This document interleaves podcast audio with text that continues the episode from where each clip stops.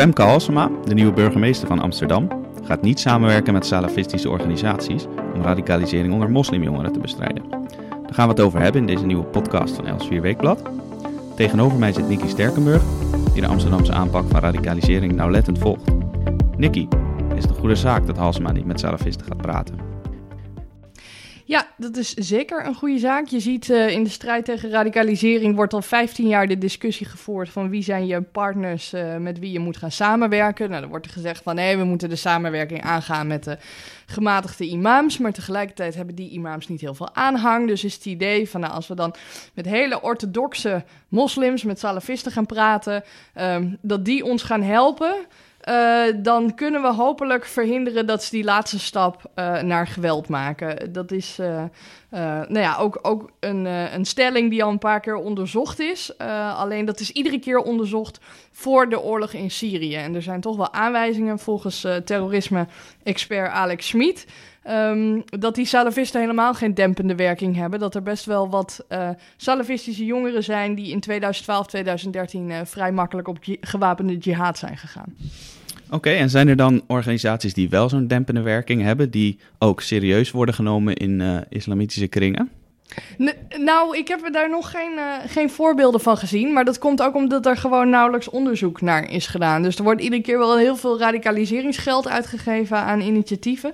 Maar er, is nauwelijks geld om te onderzoeken of dat te evalueren en of te kijken wat werkt. Er is ook um, heel veel onderzoek naar waarom worden jongeren terrorist. Maar er is bijvoorbeeld bijna geen onderzoek naar waarom worden deze radicale jongeren geen terrorist. Dus daar uh, zou eerder naar gekeken moeten worden. De vorige burgemeester, waarnemend burgemeester Josias van Aartsen, die zei dat gehamer op salafisme vervuiling van het debat was. Hij zei namelijk dat salafisme binnen de islam geen stroming is. Hij vond het te breed eigenlijk. En daarom zei hij dat hij best wilde samenwerken met orthodoxe imams. Snap jij die redenering?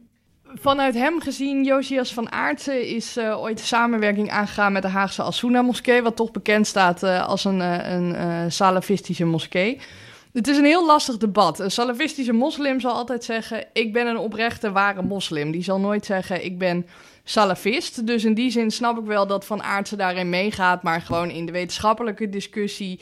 Uh, maar ook binnen de islam. Ook met de gelden vanuit Kuwait en de golfstaten en dergelijke. Is er wel degelijk een onderscheid tussen wie salafist is en uh, wie niet. En wat salafisme is en wat niet. Dan een, uh, een ander onderwerp. Uit jouw onthulling over de grijze campagne in Amsterdam. Dat is dat project van Eberhard van der Laan.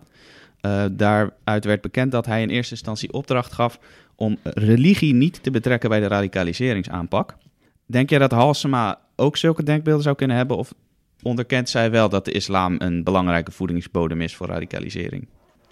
Nou ja, islam is een van de voedingsbodems. Er is, uh, er is uh, bij de Hofstadgroep veel onderzoek naar gedaan en daar kwamen verschillende factoren bij. Maar religie was het niet alleen, uh, maar ook sociaal-maatschappelijke achterstand was het niet alleen. Ik ben heel benieuwd waar Femke Halsema mee komt. Zij wil een, een team van experts oprichten om daar haar aanpak op te baseren.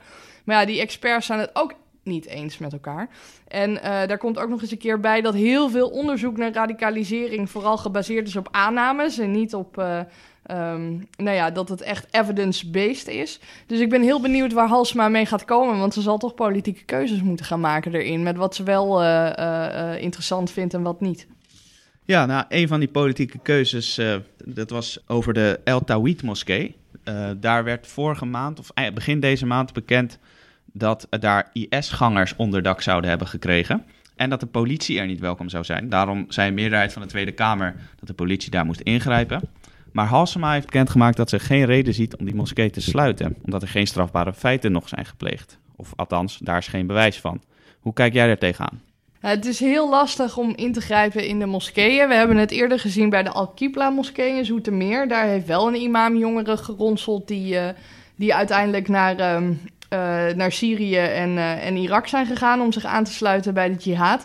En die moskee is ook niet gesloten. Kijk, als je een moskee wil sluiten, dan zal je eerst een proces op moeten starten, inderdaad, voor die strafbare feiten. Ja, en dat mensen daar hebben gezeten um, en vervolgens zijn uitgereisd naar Syrië, dat is heel ongemakkelijk, uh, maar dat is nog niet genoeg bewijs. Dus je zou eerst een strafrechtelijk onderzoek moeten afwachten. En ik vind dat de Tweede Kamer wel heel makkelijk zo'n one-liner er tegen aangooit dat er ingegrepen moet worden. Um, terwijl je uiteindelijk toch altijd nog een keer de wet moet volgen. En dat is soms heel onhandig, omdat het heel lastig te bewijzen is. Ehm, maar uiteindelijk denk ik ook met de El Tawhid moskee uh, dat het heel lastig is uh, om te bewijzen dat die moskee een, een bijdrage heeft geleverd in de uitreis van de jongeren. Er zijn ook jongeren die bijvoorbeeld in de redelijk gematigde liberale blauwe moskee zijn verbleven voordat ze naar Syrië gingen. En de Blauwe Moskee ligt niet onder vuur. De El is natuurlijk wel iets andere kwestie, omdat die moskee een vrij lang radicaal uh, verleden heeft. Um, maar het lijkt, het lijkt me heel lastig om moskeeën daarop te gaan pakken wat vervolgens andere mensen uh, doen. Dat is bijvoorbeeld ook nooit gelukt met de Asuna moskee. Uh, toen was er nog uh, Theo van Gogh um, stond te verwensen. Ja, nou ja, als ik het zo hoor, dan zijn er vooral heel veel one-liners en veel ophef. Maar wat betreft concrete maatregelen is er volgens mij nog een hele wereld te winnen. Het is een moeilijke vraag, want nou ja, wat je zegt, onderzoekers en uh, gemeente, politici worstelen daar al heel lang mee. Maar heb jij nog tips voor de uh, aanpak van radicalisering, of althans een mogelijk uh, concreet plan om die aan te pakken? Nou ja, ga eens onderzoeken wat werkt, zou ik zeggen. Want er wordt van alles uitgerold, daar is heel veel geld voor, maar er is weinig geld om te evalueren. En ook ga onderzoek doen van waarom maakt de ene radicale jongeren... want er zijn best wel veel jongeren, ook op, bij, bij extreem links, bij extreem rechts... die een tijdlange radicale periode hebben in hun leven en die er ook weer mee ophouden. Um, dus ga eens ook eens onderzoek doen van waarom maakt de een wel de stap naar geweld en uh, de ander niet. Maar dat is niet zo'n... Um, dat is een onderwerp wat, ja, waar nog niet echt heel veel, uh, heel veel geld voor beschikbaar is. Maar daar ben ik wel heel erg benieuwd naar. En ook evalueer die programma's gewoon eens een keer. In plaats van heel hard te roepen dat jouw aanpak het beste is. Dat heeft Van Aertsen gedaan in Den Haag. Nou, Cohen heeft het eerder gedaan in Amsterdam. Van der Laan heeft het nog een keer geprobeerd met een... Um, van, uh, ik heb een wereld, uh, wereldplan en ik ga daar echt alles en iedereen mee veranderen. Um, ik snap dat burgemeesters heel graag pioniers willen zijn, maar iets meer bescheidenheid en iets meer zelfkritiek en zelfevaluatie zou niet misstaan. Dank Nicky voor jouw heldere uitleg bij het commentaar over de aanpak van salafisme in Amsterdam. Deze en andere commentaren vindt u natuurlijk op onze website els4weekblad.nl. Mijn naam is Matthijs van Schie en ik bedank u voor het luisteren. Volgende week zijn we er weer met een nieuwe podcast.